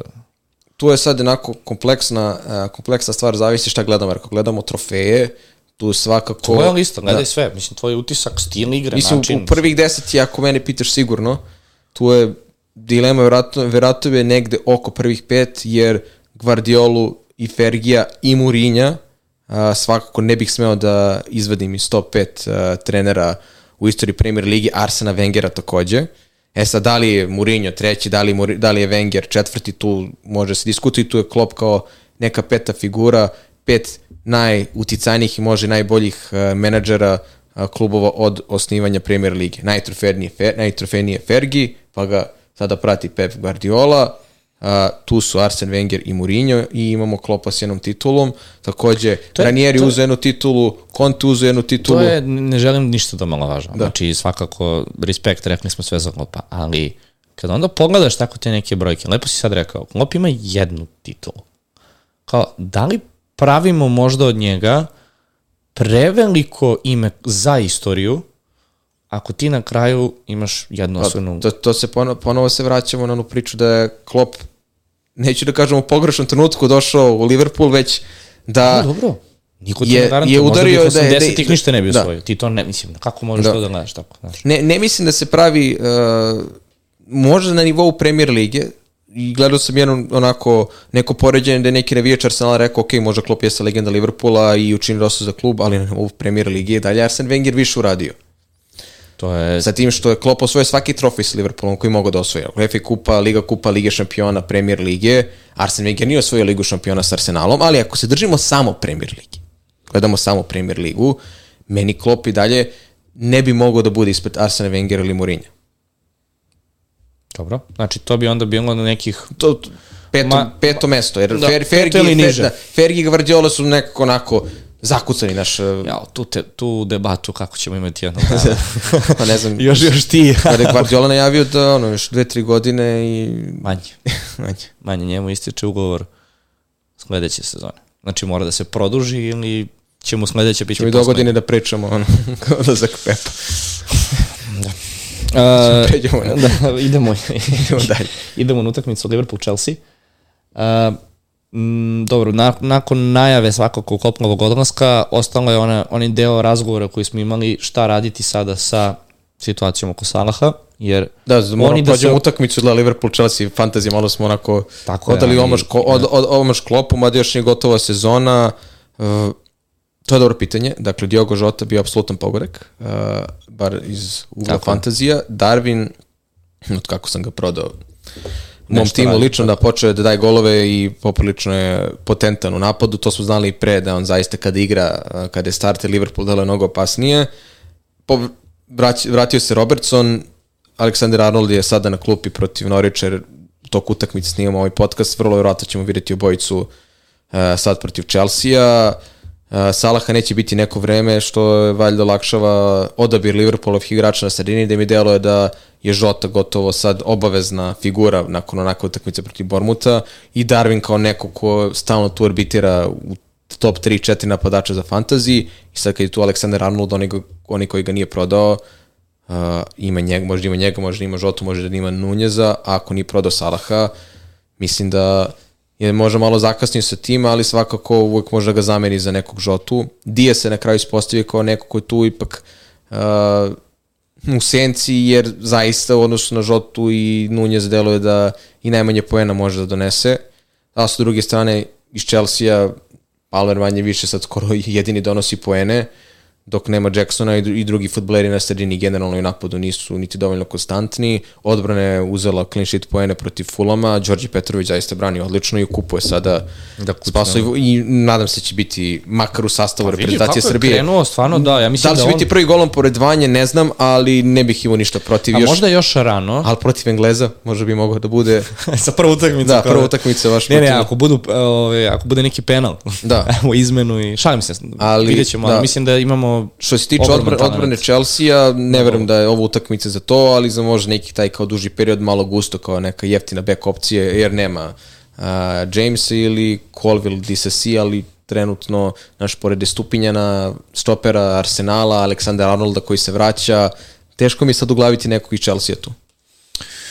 Pedra pa, Pora, naravno, evo, mislim, eto već ti četiri defanzivca nabroju. Tako je, da. Pa mislim da na kraju, evo, po pitanjima koje gledam je u suštini za, za Chelsea pričamo samo o Palmeru. Pa. I nekako s razlogom.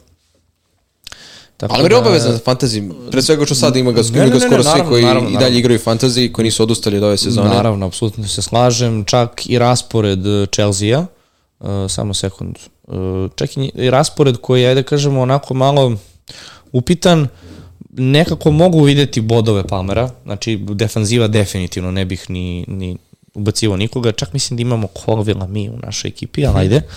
Uh, dakle, Liverpool, Wolverhampton, Crystal Palace, City. Dakle, naredne četiri utakmice imaju Wolverhampton, koji zna ozbiljno da odigra, i imaš Crystal Palace kao da bi Koji Treba, ne, ne znaš šta. Pa da, kao trebalo bi nešto da, da urade, jel? O, pored toga imaš dva gostovanja i Liverpoolu i City-u. Dakle, nisu uopšte u najemnoj situaciji. Imati više igrača Chelsea apsolutno po meni ne. Jedino Palmera upravo zbog penala i Generalno toga što je svuda sad, jedino da. nešto on može da uradi da. trenutno na terenu i jedino nekako deluje kao pravi starter u ekipi. Pa dobro, Tako tu da- da... imeće Gallaghera, verovatno i Enca, ali sad stvarno... Kakav je njihov Da, učinak za, to ti- za to naš ti- da. fantasy, apsolutno nam to ništa ne znači. Što se tiče pitanja zamisli, sva su manje više za klopa. Sal, da. Um, prvo pitanje je šta će biti sa Liverpoolom nakon njegovog odlaska, to postavlja Steve Ja.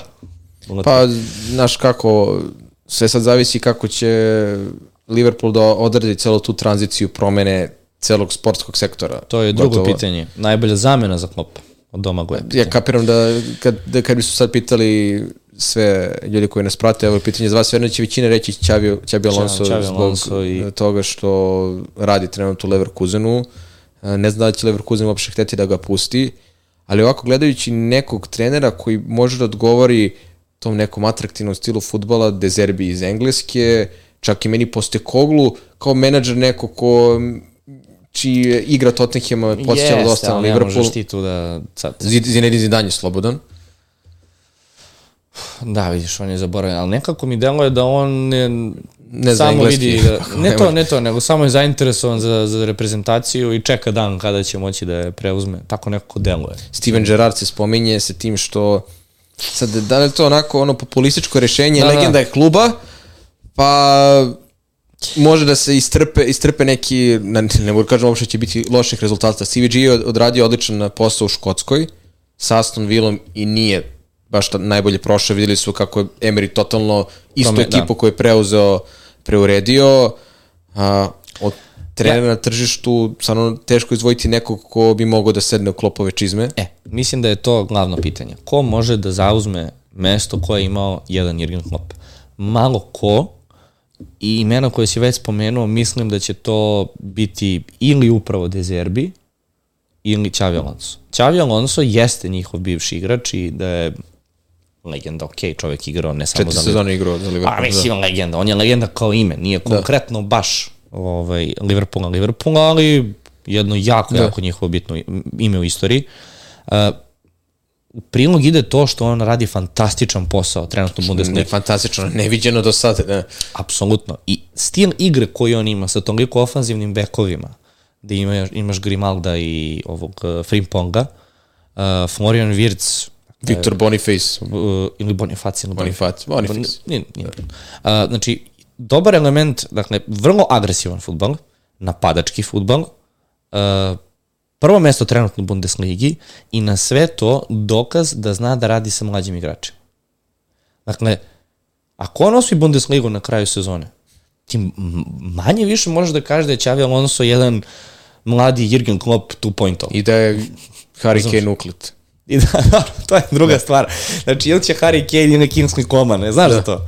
Šta za Kingsley Coman, koji u Bayernu, nikad u životu nije, ne, svake sezone osvojio A da, ligu. to je kao, naš, svake kao naš. Ljubomir Fejsa koji je bio poznat kao gospodin titula. Tako je. Nakon osvaja su te trofeje s Olimpijakosom, Partizanom i sa Tako je. Benficom. I jedna od tih stvari se, znači, na kraju sezone se, ovaj, kako se to kaže? Jedna Poništava. tradicija, jedna tradicija se ruši. Pa nije ni, da, ruši se. Pa dobro, i Erik Dyer će isto Znači- konačno uzeti i trofej. Ako tako Što da. je na prezentaciji rekao, kao ima mnogo trofeja. Da, da znam, uzeo sam Audi kup. da, ja, ko to liče, kako se blamiraš. Bayern München, čoveč. Uh, ne, da se vratimo na, na Xavi Alonso, uh, mislim da je on verovatno prvo ime, pored toga Dezerbi, neko ko ima iskustvo u premier ligi, uh, ima svoj sistem, ima način igre. Uh, mislim da je Dezerbi čak pretendent za, Klopp- za izvini, uh, Pepovu poziciju, um, što je sam dokaz da uh, ljudi generalno ga dosta visoko kotiraju, tako da bih se tu složio sa tobom. Neko drugo ime mislim da ne može bilo ko. Jose Mourinho, što mi palo na Pa, pamet. e, Nema pa, angažman to- pa trenutno. da. Znaš da bi to bilo totalno e, nelogično, suprotno svemu što smo mogli da najavimo. To se znaš. nikad neće desiti. Kao, to se nikada neće desiti. Evo, ruke mi se... To bi bila tako bombetina, bez obzira što ono Mourinho tren, ne, mogu- ne mogu Skuplja. kažem trenerskom padu, ali trenutno njegovi rezultati, to je to njuzu trofej sa Romom i jer prvi trofej posle ko zna koliko godina i to je evropski trofej, ali očigledno da Ajde, skuplja uh, uh, premier ligaške klubove po Infinity Stone, što znaš, te malo Chelsea, te malo Tottenham, te ovo, Zavisi- te i na Liverpool, kraju. City da završili. Ma važi. ne, mislim da, da manje više, m, ako bih birao između ove dvojice, rekao bih 51% Ćavi Alonso, 49% Dezerbi. Uh, Thomas Frank. Ajde, molim te, uzbiljimo se. Eddie Howe. E, čak, pa eto, to nije, nije, nije loša opcija, ali nekako mi deluje da je možda Ćavi Alonso tu ima neku prednost, pritom i Leverkusen, direktor njihov, šta je, predsednik, već sam rekao, mi nestajemo na put ljudima koji žele da promene sredinu. Znači, ako nisi srećen, ako želiš da ideš, nije problem. Pritom, sigurno ima klauzulu u svom ugovoru. On ne trenira Real, ne trenira Barsu, trenira jedan Bayern Leverkusen, niko nije očekivao ovakav rezultat. A, tako da, manje više, to je to šta očekivati od Liverpoola, pravo da ti kažem nisam siguran. Ne, Pitanje ne, da li- reći, ne, ne znamo ni ko će, ko će da ih preuzme. ajde da vidimo kako crti sezonu. Ni transfer, Znaš. uh, transfer uh, saga koja će da bude isto zanimljiva, jer odlaskom klopa, Šta je Salahom? da li će Salah da ostane, naš Salah ulazi u, u godine i ova povreda zadnje lože, on je neko ko je generalno ima Jeste. minimalan broj povreda, a uglavnom vidiš i na De Bruyne da kad krene zadnja loža da pecka, nadam se da naravno ovo samo izolovan slučaj, ali ako krenu da se povrede gomilaju plus uvek će neki tamo Arapi da nude ozbiljne novce za Salaha, da ispratimo kako će izgledati Liverpool, jer nekako odlaskom Salaha stvarno stavljamo onako možemo kraj jedne ere faktički, bez obzira što ima mnogo igrača koji su dalje igrali pod klopom, ali čuveni taj trio koji je ono, prosto harao evropskim futbolom, Mane, Firmino i Salah, kada se, kada se to desi da ne bude niko tu zaista, nekako ćeš osjetiti veliku prazninu, bez obzira što možda ne navijaš za Liverpool, Liverpool makar u Premier Ligi, bit će ti čudno da ih više nema. Tako je, slažem se s tobom. Ajde mi da prođemo kroz našu ekipu, da odradimo izmene. Samo još jedna bitna stvar, uh, da napomenem, sam morao da pročitam, dakle, uh, jako bitna stvar, 10. februara u Game Pubu se organizuje humanitarni turnir za porodicu Pindović, uh, kojima je izgoreo stan na banjici pre neki dan. Uh, mi ćemo biti prijatelji turnira i pozivamo sve da dođu. Uh, biće okačeno i na storijima, da znate, dakle, organizujemo humanitarni turnir uh, upravo za tu porodicu. Ostavit ćemo kontakt telefon Relje koji će biti jedan od organizatora. Možete nam pisati za sve druge informacije i na stranicu ili nama na Whatsapp, pošto nas imate u grupama, ali svakako nadam se da ćemo se onda gledati 10. februara u Game Pubu. Tako je. Ja da vidim u režiji da li mi imamo konekciju ili ne. Nema konekcije. Znate kako, kad imate studio tako malo na obodu Beograda, A šta, a šta je problem? ja sam rekao Hoćeš- sledeći, sledeći studio u centru grada. Hoćeš u krugu dvojke, jel? A da, ne mora krug dvojke, samo da imamo internet. U Ali, suštini... ne, ali znaš šta je, neće komp ni na- drži ni- laptop ispred srednje kamere. Neće komp ni na hotspot da se, da se, da se prikači, tako da nije ni do interneta. Nešto Čekaj, sad će da- derbi, ajde da vi to... Ej, šako čovjek. Te, tera, brate, tera je studij. Uh, ništa, morate da slušate nas kako nabrajamo samo imena, tako da...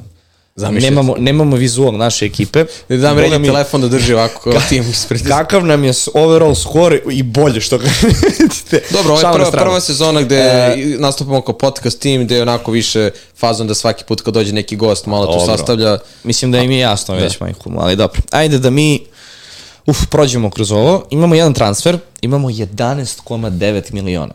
Znači, štancamo, Stonks. štancamo novac. Ovako, na golu Leno Areola, Dobro. odbrana Cash, Estupinjan, Colville, Arnold, Udogi. Dobro. Sredina Martinelli, Foden, Palmer, Gordon, Hwang, koji nam je crven, i u napadu Archer, Watkins, Solanke. Koliko imamo, jedan ili dva transfera? Jedan. Možemo Žotu umesto Hvanga. Dobro. Mislim da, mi, da nam je to dovoljno, da ne idemo u minus 4. Ostavi, ostavio bih odbrani Arnolda, za kojeg verujem da će da igra, Udogija i Stupinjana.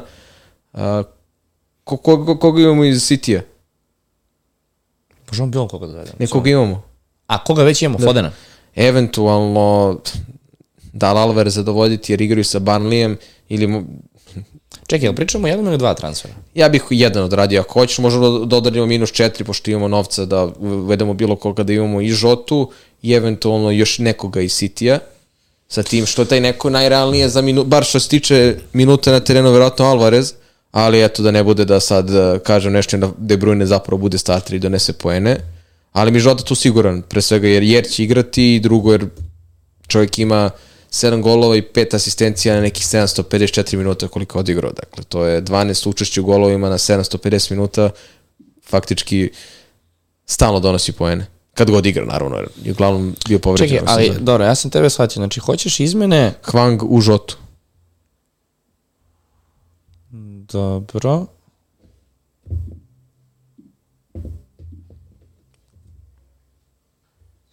Na što mi ne izlazi? Šta, Žota? A mora da kucaš Diogo. Da. Zamisli njegovo ime da kucaš. Ne, pa znaš da ga nikad nisam imao u fantaziju. Žoto. Vidim. Pa nikada. Imao sam, imao sam Dijeza kao Žoto. Dobro, i ostaje nam 9,6 miliona. Mislim, Ja sam izabrao Žotu, ti izaberi da li idemo minus 4, da li hoćeš nekog iz City-a. Iz Manchester City. E, pa, znaš kako? Sa ovim imamo pet igrača na sredini, jel tako? 3, 4, 5, da, pet. Idemo sa trojicom pozadi, pretpostavljam Arnold, Da? generalno, Arnold, Udogi, Estupinjan, mada imamo i Keša. Stvarno ne bih Keša spominjao više. Ne, ne, pričam da. trenutno, znači imamo i Colvilla, ali zbog rasporeda da. koji smo spomenuli, mislim da ide, ne moramo da ga menjamo, neko ostane da. na klupi, ali u, znači, u napadu Solanke, Watkins i Archer. Uh, mislim da treba iskoristiti transfer za Halanda kad se vrati verovatno sa Van Cardom, pretpostavljam. Ili za sledeće kola imat ćemo novac. Pa pazi, 9,6 No, imaćeš sigurno. Pa dobro, mora bi nekog od ovih drugih pa, da žrtvujemo. Ne moraš. Mislim, jedan, jedan od napadača koji bile skuplji. Pazi, znači, Watkins, Newcastle, Sheffield United. Ne bih ja Watkinsa dirao. Ove, Bournemouth, West Ham, Nottingham Forest, Fulham. Mislim da tu možemo da ostavimo mm -hmm. ove, Solankija kao, kao dobru opciju. Ajde ne menjamo ništa. Ajde. Da ostavimo taj... Žotu ovaj, i to je to. Da ne idemo u minus 4, nema potrebe. Ko je kapiten? Uh, čekaj da završim samo izmenu. Samo jedno pitanje, momci, ko je u kadru, pošto nemamo Nikola ili oni srednji kadar? Centralna kamera, dobro. Šta hoćeš da uradiš? Pa ništa, ako pitam ko je u kadru. Plašim se.